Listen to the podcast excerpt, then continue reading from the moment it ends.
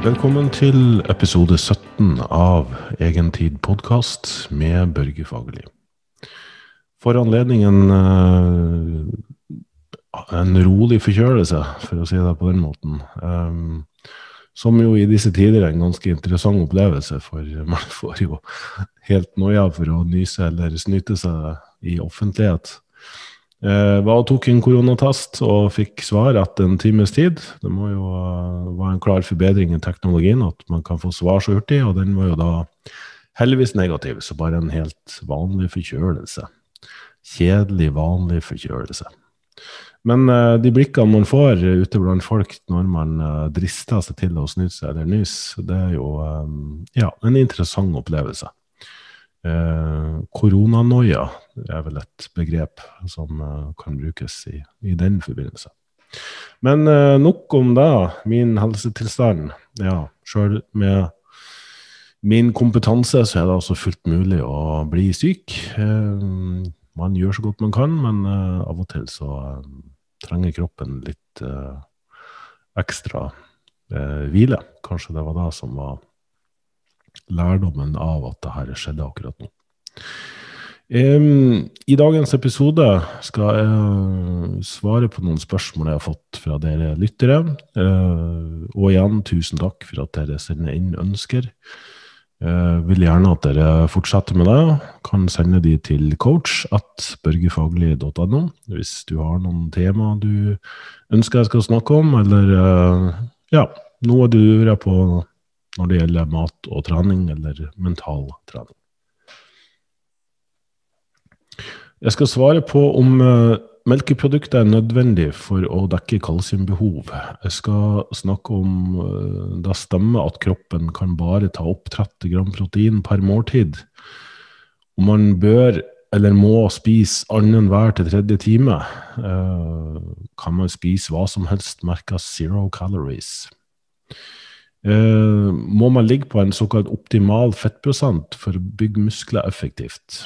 Ref en, en sånn debatt som foregår mellom de som følger uh, treningseksperter på nett, Greg Knuckles og Menno Hensen hans. visualisering, eller mind-muscle connection, er noe som har spurt om her. Altså da å fokusere på en muskel, om det kan gi bedre kontakt med den muskelen, eller bedre treningseffekt, sånn som en tolker det. Og så er det et spørsmål her som jeg er egentlig litt usikker på om jeg rekker å svare på. Eh, fordi jeg kunne sikkert ha spilt inn en helt egen episode om det, og jeg har jo for så vidt også eh, hatt både gjester på podkasten og snakka om det i tidligere episoder. Men spørsmålet er som følger. Mange reklamerer for mentale verktøy som målsetting, visualisering, mindfulness og lignende som løsning for bedre resultater og bedre liv. Er dette noe man bør bruke tida si på å lære seg? Så jeg skal prøve å gi et uh, relativt kort svar på det. Um, så da er det bare å følge med videre, så kommer jeg til å ta det helt til slutt. Uh, først er melkeprodukter nødvendig eller viktig for å dekke kalsiumbehov? Eh, det er vel for så vidt en av de beste kildene til kalsium. Eh, jeg husker Lyle McDonald i sin tid eh, satte opp et prosjekt der han skulle finne ut hvordan du kunne lage den beste opptaksmekanismen for kalsium. Da igjen i forbindelse med et kosttilskudd. Og han kom altså da fram til at melk var det perfekte for at kroppen skulle ta opp kalsium. Eh, riktig sammensetning av karbohydrater, protein og fett, og eh, så er det litt D-vitamin og ja, rett og slett bare den sammensetninga som ser ut til å gi den mest biotilgjengelige formen av kalsium. Når det er sagt, så er det noen som ikke tåler melk, eller ønsker å drikke melk. Eller uh, bruk meieriprodukter, da inkludert ost. Så hva finnes ellers? Av grønnsaker så er jo spinat, kål og grønnkål kjente kilder til uh, kalsium. Uh, her må man uh, typisk spise en del det for at man skal dekke behovet. det er mulig å tørke eggeskall og kverne de til pulver. Da får du kalsiumkarbonat. Men da kan vi kanskje egentlig bare mm, si at det er litt enklere å bare ta tilskudd. Kalsiumkarbonatet er et veldig billig og vanlig kosteskudd. Eh, rabarbra ser faktisk ut til å kunne ha en del kalsium. Eh, og jeg ser bort fra alle sånne matvarer som er tilsatt kalsium. Så, så nå ser vi på rene matvarer. Mandler har en del kalsium. Uh, har også magnesium, uh, vitamin E. Ja, og generelt sett er, er mandler en god kilde til, til både protein og, og sunt fett. Uh, gitt at man tåler mandler og kan fordøye mandler effektivt. Da kan det gjøre litt. Linser bønner er faktisk ganske rik på kalsium. Der møter vi vel igjen på det her med fordøyelse at uh, det krever kanskje litt ekstra oppmerksomhet på hvordan det her kokes og tilberedes, sånn at kroppen faktisk får tilgang på den næringa. Så langtidskoking og i salt vann, eller at du bløtlegger i salt vann i 24 timer og koker deg godt, kan hjelpe, til, hjelpe til kroppen å ta opp kalsiumet. Så har vi jo fisk, da. Sardiner f.eks. Der er det jo vanlig at man spiser beina også. Så uh, i beina til fisken er det jo veldig mye kalsium, og uh, siden det er mulig å spise de beina Det er ikke alle som er så glad i fiskebein, men det er i hvert fall en alternativ kilde til kalsium. Uh, så er det noen få frø, da. Både sesamfrø og chiafrø har litt kalsium. Ikke så fryktelig mye. Og både de og mandler glemte jo navn. Du må jo spise en del av da, så du får en del kalorier på kjøpet for å få den kalsiummengden som du hadde fått ved å bare spise litt ost eller uh, drikke melk. Da. Men uh, det er altså fullt mulig å få i seg kalsium fra andre matvarer enn bare melk og meieriprodukter. Neste spørsmål. Stemmer det at kroppen bare kan ta opp 30 gram protein? Eh, og det er vel en veldig gammel myte som eh, det er faktisk framsatt pengepremier for de som kunne bevise at det her var riktig, eh, på 10 000 dollar. Eh, og det er det fremdeles ingen som har gjort. Og selvfølgelig stemmer ikke det. Eh, kroppen er kapabel til å ta opp eh, Altså det er faktisk uh, folk som spiser alle kaloriene sine, alle dagens kalorier, i ett måltid. Det vil si hele proteininntaket. Uh, vi snakker 150-200 gram protein i ett måltid, og de klarer også å ta opp proteinet helt fint. Det ser imidlertid ut som en større andel av proteinet blir såkalt deaminert og konvertert til glukose når du spiser større mengder i ett måltid. Så jeg vil nok ikke si at det er det mest effektive du kan gjøre, å spise ekstreme mengder protein i hvert måltid. Men uh, det er altså fullt mulig. Kroppen, uh, når, du, når, du, spiser et større måltid, så bruker kroppen mye lengre tid på å fordøye det. Og uh, dermed så rekker den også å ta opp proteinet. Så, så, alt blir tatt opp, kan det se ut som, men det er ikke alt som blir nyttiggjort til å faktisk bygge muskler, da, som jeg regner med at Eh, mange av dere som hører på denne podkasten, er interessert i.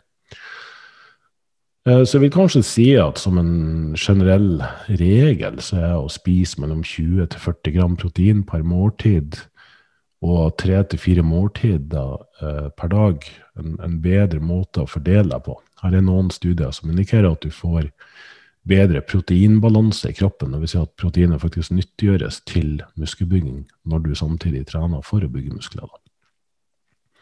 Og Da fører oss til neste spørsmål. Må eller bør man spise annenhver til hver tredje time? Og det må man heller ikke. Um, faktisk var det en studie som kom ganske nylig, der de sammenligna tre måltider og seks måltider. Uh, folk som trente for å bygge muskler, og der var det ingen forskjell mellom tre og seks måltid. Uh, her er også en norsk studie for mange år siden der de sammenligna tre og seks måltider. Der, der var det riktignok en del sånn Det var vel litt forskjell både i proteininntak og totalt kaloriinntak, men der viste de faktisk bedre muskelbygging av de som spiste tre måltid per dag, enn de som spiste seks måltid per dag. Um, og de forsøkte jo da å spekulere litt i de mekanismene. og Det kan se ut som om hvis man spiser måltid for tett innpå hverandre, så, så, blir ikke kroppen like mottagelig for det signalet fra aminosyre. Aminosyre da som er byggesteinene til protein. Uh, og at da å ha litt avstand mellom måltidene, uh, at du spiser hver fjerde til femte time f.eks., uh, gjør at det er nok Altså kroppen får De cellene får liksom fri fra det aminosyresignalet, og dermed responderer bedre på det. F.eks. ser man at dagens første måltid, så, så responderer cellen bedre på proteinet du spiser der. Så man trenger faktisk mindre, måltid, mindre protein i første måltid mens i siste måltid så kan man med fordel spise mer protein enn i første måltid. Også fordi uh, da er det lenge til du skal spise igjen, så da trenger liksom kroppen litt å her på. Men uh, jeg vil si at for de aller fleste, tre til fire måltid per dag ser ut til å være en veldig fin um, og bærekraftig måte å spise på. Jeg foretrekker sjøl å spise mellom tre og fire måltid. Uh, neste kan man spise hva som helst, merker med zero calories.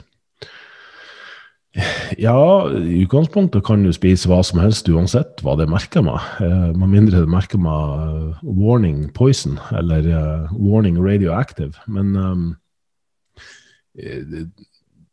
det er sagt mye og mangt om kunstige søtningsmidler, og i, i, i verste fall så er det en helt nøytral effekt. Her er noen studier som indikerer at det kan påvirke eh, bakteriefloraen i magen negativt.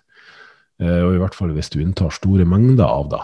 Eh, men så er det vel også hva ellers de drikkene inneholder. Sånn som mange av de populære lettbrusene har jo både syre og koffein og litt av hvert som, som Det er jo folk som er avhengige av både Cola Light og Pepsi Max sikkert eh, noen av dere som hører på det her også, eh, enten dere sjøl eller noen dere kjenner til.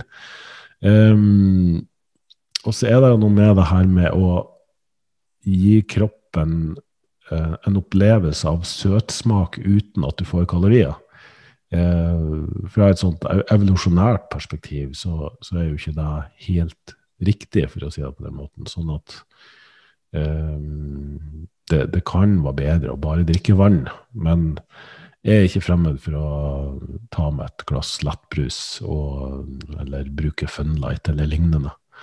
Um, og har egentlig ikke opplevd at det gjør at jeg blir mer fysen eller får lyst på mer å spise. Så, så her tror jeg bare responsen er høyst variabel. og hvis det her brukes for å døyve sultfølelse, så kan du gjøre deg sjøl en bjørnetjeneste. At du får deg litt i baksmell.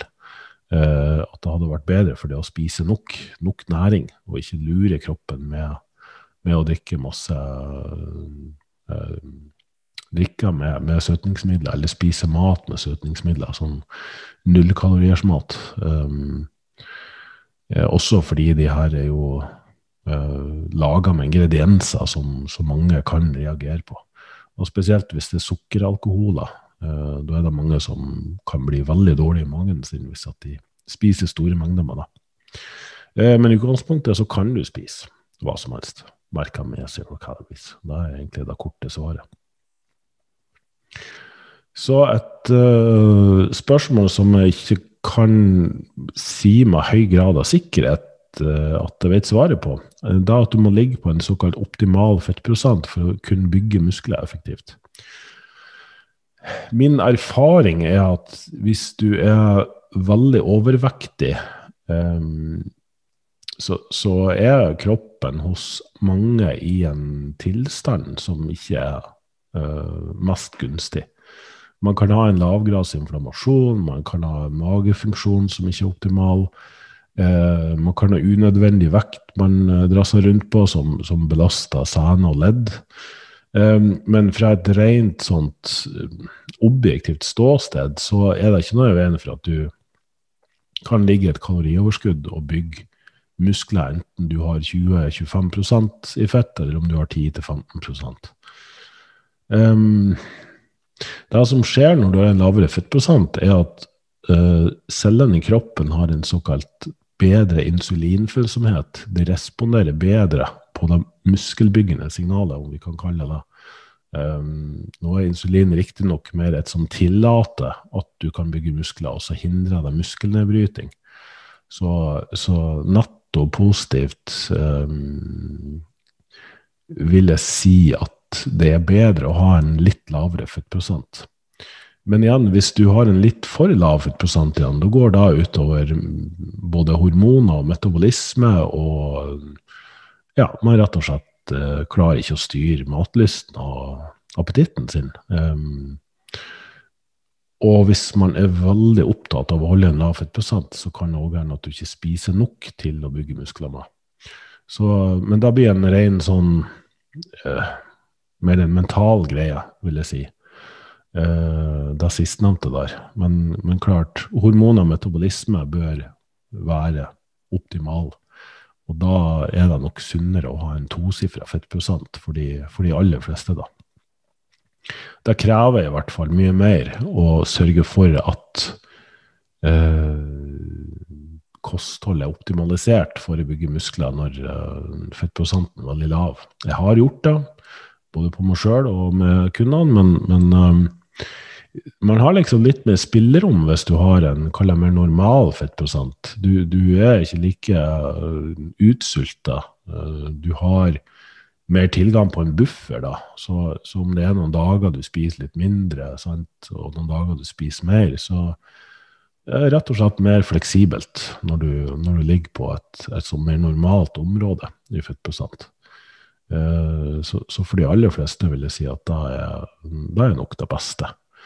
Men uh, det er gode argumenter fra begge sider, både fra Menno og Greg Knuckles, da, på at Menno mener at det er bedre å ligge på en lavere fettprosent, mens Greg mener at det spiller ikke noen rolle. Uh, nei, jeg, jeg, vet rett og slett ikke 100% sikkert hva jeg skal si. Jeg tror det kommer veldig an på hvor sunn og frisk den personen er. Og det er mange som har høy fettprosent, som, som ellers er sunn og frisk. Så, så da, skal det ikke ha noe å si uh, for, for selve muskelbygginga. Så er det visualisering, eller mind-muscle connection. Um, sånn uh, rent praktisk det at du kjører en biceps curl mens du sitter og ser på bicepsen din, eller uh, fokuserer på den. Um, det kan, i hvert fall på lettere vekter, ser det ut som om det, det, er mulig å få en bedre muskelkontraksjon når du fokuserer på en bestemt muskel. Uh, denne fordelen eller forskjellen ser ut til å jevnes ut når vekten blir tung nok. F.eks. er det gjort noen studier der de analyserer muskelaktiviteten i brystmuskelen og triceps når du kjører benkpress, enten ved at du mentalt fokuserer på at du skal trene brystmuskelen, eller mentalt fokusere på at du skal trene triceps. Da var det mulig å måle en forskjell i hvor mye de musklene ble aktivert i starten av settet. Men når den personen, eh, de forsøkspersonene trente nær utmattelsespunktet, så forsvant de forskjellene, så, så det jevna seg litt ut uh, på slutten. Og det samme da når eh, vekten er tung nok, da snakker vi vekter som du klarer mellom fem og åtte reps med, og tyngre enn det. Da vil det ikke ha noe å si om du eh, fokuserer på den ene eller den andre muskelen. Eh, det er også vist at prestasjonsmasse og styrkemasse så kan du få mer igjen ved å fokusere på noe utafor i din egen kropp. Eh, såkalte external cues i stedet for internal cues. Så f.eks. i en knebøy, hvis du tenker at du skal hoppe i taket, gitt at du har tung nok vekt til at du ikke klarer det, da, Eh, og at du f.eks. skal få knærne til å treffe veggene eh, ved siden av det, sjøl om det er langt til nærmeste vegg. Eh, når du kjører pullups eller hangups og du tenker at du skal smelle huet i taket, la oss håpe og be om at taket ikke er så lavt at du faktisk gjør det. Men alt det her ser i hvert fall ut til å både kunne gi en bedre teknikk og bedre prestasjon. Eh, tenk deg f.eks. at du skal dunke en basketball hvis du har spensten til deg eller kurven er lav nok. Hvis du skal fokusere på lårmuskelen din, så tror jeg ikke du klarer å hoppe opp til den ringen. Altså Hvis du i stedet ser for deg at du skal klare å dunke den basketballen, så er sjansen større for deg, gitt at du som sagt har spensten til deg. da. Jeg eh, har også gjort interessante studier på der ei gruppe trente på um, sånn skudd på, på ring på, i basketball, uh, og den andre gruppa visualiserte at de trente på det. Og begge hadde like god forbedring i presisjon. Så det er faktisk mulig å visualisere det du skal gjøre, og så oppleve en forbedring i prestasjonen. Dette ser også ut til å gjelde gjennomføring av uh, baseløft på, på gymmet. Uh, at ved å visualisere at du, du klarer maksløftet, så, så, er det litt å hente på det. Hvor mye det vil nok variere en del, um, fra person til person. Um, og opp til den maks du, du, faktisk trener, og hvor erfaren du er. Så de som er veldig erfaren og vant til å trene på grensen, ser det ikke ut til at det er så veldig mye å hente på deg, fordi du faktisk har henta ut så mye av din fysiske kapasitet. Du har trent kroppen din til å gjøre det, uh, uavhengig av hva du ser for deg og hvilke mentale teknikker du bruker. men her er, er mye spennende forskning og spennende erfaringer, så ja, jeg tenker vi, vi bare går rett på neste spørsmål. For da var følgende spørsmål, skal jeg gjenta da. Mange reklamerer for mentale verktøy som målsetting, visualisering, mindfulness og lignende som løsning for bedre resultater og bedre liv. Er dette noe man bør bruke tida si på å lære seg? Så når det gjelder visualisering, så ser det ut til at hjernen vår liker å forestille seg ting. Og da at vi forestiller oss at vi får til ting, eh, gjør at vi får en, en, form for motivasjon eller drivkraft eller inspirasjon til å faktisk oppnå det. Eh, når det er sagt, så, så er jeg veldig fokusert på å hjelpe mennesker med å få på plass gode vaner i livet sitt. Man kan sitte og snakke om målsetting uh, hele året, og spesielt på nyttårsaften kan man snakke om uh, de målsettingene man skal gjennomføre i det nye året. Og så faller det egentlig sammen uh, første uka i januar.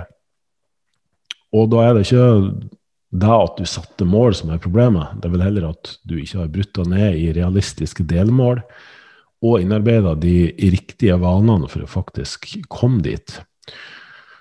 Så igjen har ikke vi har snakka en hel podkast om, og det er mulig at det faktisk gjør det også.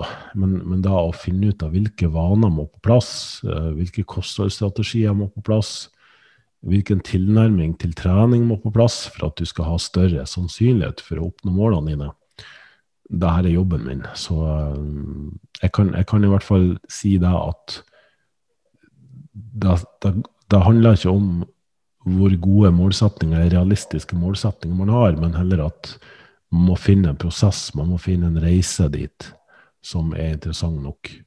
Eh, og som er verdt å tolerere de utfordringene som oppstår gjennom den prosessen. For det er um, når livet møter det optimale, at eh, det er litt sånn vinn eller forsvinn. Hvis du har dårlige alternative strategier, eller dårlige um, ja, vaner, eller altså at vanene dine ikke er gode nok eller realistiske nok. Uh, så jeg blir da for noen en sånn kontrastreaksjon der de faller helt av. Um, jeg husker jeg hadde en metafore for noen år tilbake i en artikkel som traff veldig mange. Og det er den hvis du går forbi et uh, butikkvindu og ser ditt eget speilbilde, og så oppdager du at uh, buksesmekken din er åpen, hva gjør du da? Forhåpentligvis så trekker du opp buksesmekken, og så går du videre som om ingenting har skjedd. Håper at ingen fikk det med seg, og hvis de gjorde det, så humrer du litt uh, på lag med dem, og så allikevel går livet videre. Men noen reagerer som om det her er bare totalt forferdelige å si noe om de som mennesker. Så de river av seg alle klærne, og så løper de rundt i byen mens de roper av full hals for noen forferdelige mennesker de er. Eh, litt satt på spissen, men, men, det er jo noe jeg ser i praksis også, at de har liksom laga seg en perfekt plan på trening og kosthold, og så kommer det et uh, måltid eller en um, en event, en happening, en familiemiddag, et eller annet som, der de ikke klarer å og, og, la oss nå endelig håpe at du ikke tar med deg matboks i, på bestemors bursdag. Eh, men i stedet for å liksom ja, ta et kakestykke, ta en pizzabit, nyte den med den beste samvittighet, så, så tar det liksom helt av.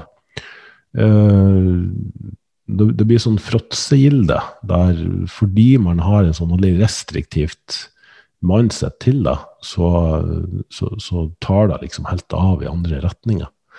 Uh, og det er jo fryktelig lite nyttig, spør du meg, da. Um, og som vi snakka om i forrige episode med Rikke, uh, har du ikke hørt på den, så vil jeg anbefale å lytte til den. Men det her med å få litt kontakt med hva som foregår på innsida di, hva er det du føler, og, og, hva er det du tenker, men kanskje mest av alt, hva, hva er det du føler inni deg når du kommer i de situasjonene? Uh, hvilken uro, hvilken usikkerhet, hvilket ubehag er det du får kontakt med? Og når du fokuserer på det, så vil du oppdage at det her faktisk går veldig fort over av seg sjøl, og så får du tilgang på ressurser der som, som hjelper deg med å ta litt bedre valg for deg sjøl prøve å, å liksom holde, holde, litt sånn fornuft um, i, i, front, heller enn at det blir sånn irrasjonelt. Uh, men jeg vil også slå et slag for en, en sånn mindfulness, dvs. Si da å være til stede i nuet. Jeg tror mange av oss bruker så mye tid på å reflektere over fortid og, og bekymre oss over fremtid at vi glemmer helt av og, uh, at det er her og nå som gjelder. Um, så, så, mindfulness, for all del, bruk tida på å lære det meditasjon, og lære det der med å få kontakt med pust, og da å kjenne at det er spenninger i kroppen. Men kan du altså kreve deg et langt ritual før du får den tilstanden, den, den mer avslappa, rolige tilstanden der eh, tanker om fortid og framtid lettere kan flyte forbi? Um, så, så, kan det være at du i med øynene åpne, da, eh, når du står eh, når du, når du er i bursdagen til, til bestemor, eller når um, det oppstår situasjoner her og nå, og så er det mange som bare mister det fullstendig. Så, så, jeg vil slå et slag for en, en sånn mindfulness-praksis der du også klarer å være til stede i nuet. Og, og ja, her finnes mange interessante verktøy og teknikker man kan lære seg for å, for å klare å, holde fokus, være i en flytsone, flow state. Få, få, tilgang til inspirasjon og motivasjon uten at man skal tenke seg til alt mulig. Så for all del har jeg mange interessante metoder som handler om å, å tenke bedre. Um, og det kan nok også fungere veldig bra for, for mange. Uh, fordi man kanskje har gått rundt og sagt veldig dumme, stygge ting til seg sjøl, og dømt og vurdert alt man gjør i negativ retning som ikke bra nok, ikke godt nok. Men det er også noe med det her å innse at tanker bare er tanker, og da å kunne være litt sånn til stede her og nå. Det er jo heller fravær av tanker som gjør at du, du klarer å, å, respondere på det som faktisk skjer, i mye større grad enn enn bare tenkte hendelser. Jeg tror uansett det er veldig vanskelig å kontrollere tankene sine. Man kan gjerne prøve, men på samme måte som du sikkert klarer å holde pusten og kontrollere pusten din, så vil etter hvert kroppen ta over. Så jeg er ikke så helt sikker på om det har veldig mye for seg å forsøke å styre og kontrollere og eh, ja, skal liksom dømme og vurdere tanker som, som positive eller negative, eller nyttige eller unyttige, eller hvilke merkelapper du, du velger å gi dem. Men mer å lære seg å gjenkjenne når tanker oppstår, og når automatiske handlingsmønster oppstår.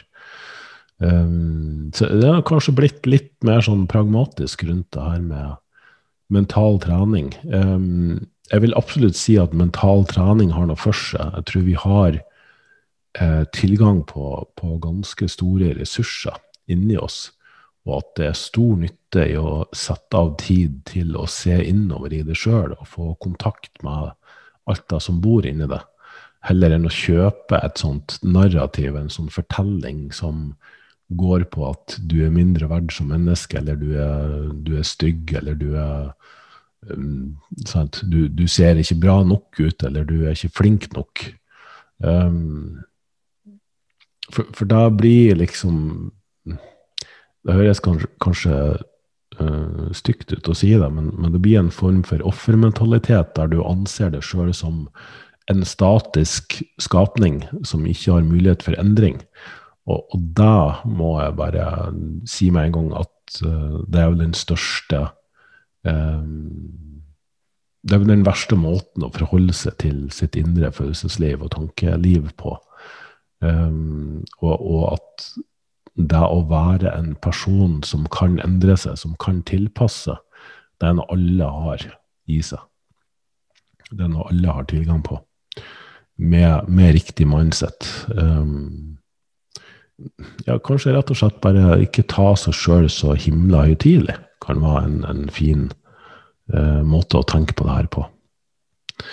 Men det her og mange andre tema har snakka om det i tidligere podkaster, kommer til å snakke om det i mange flere podkaster fremover, fordi det er et stort interessefelt.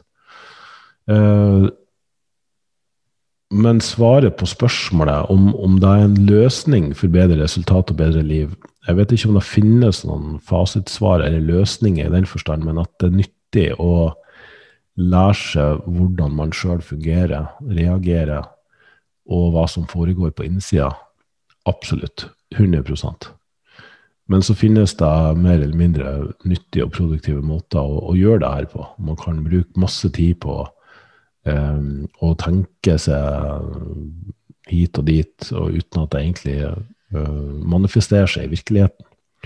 Så uh, ja, litt, litt sånn uh, ambivalent til det, men, men, jeg vil absolutt oppfordre til at man skal sette av litt tid til å gå litt innover i seg sjøl. Derav navnet på denne podkasten, Egen tid. Håper at denne episoden var en fin måte for det å sette litt tid til deg sjøl på.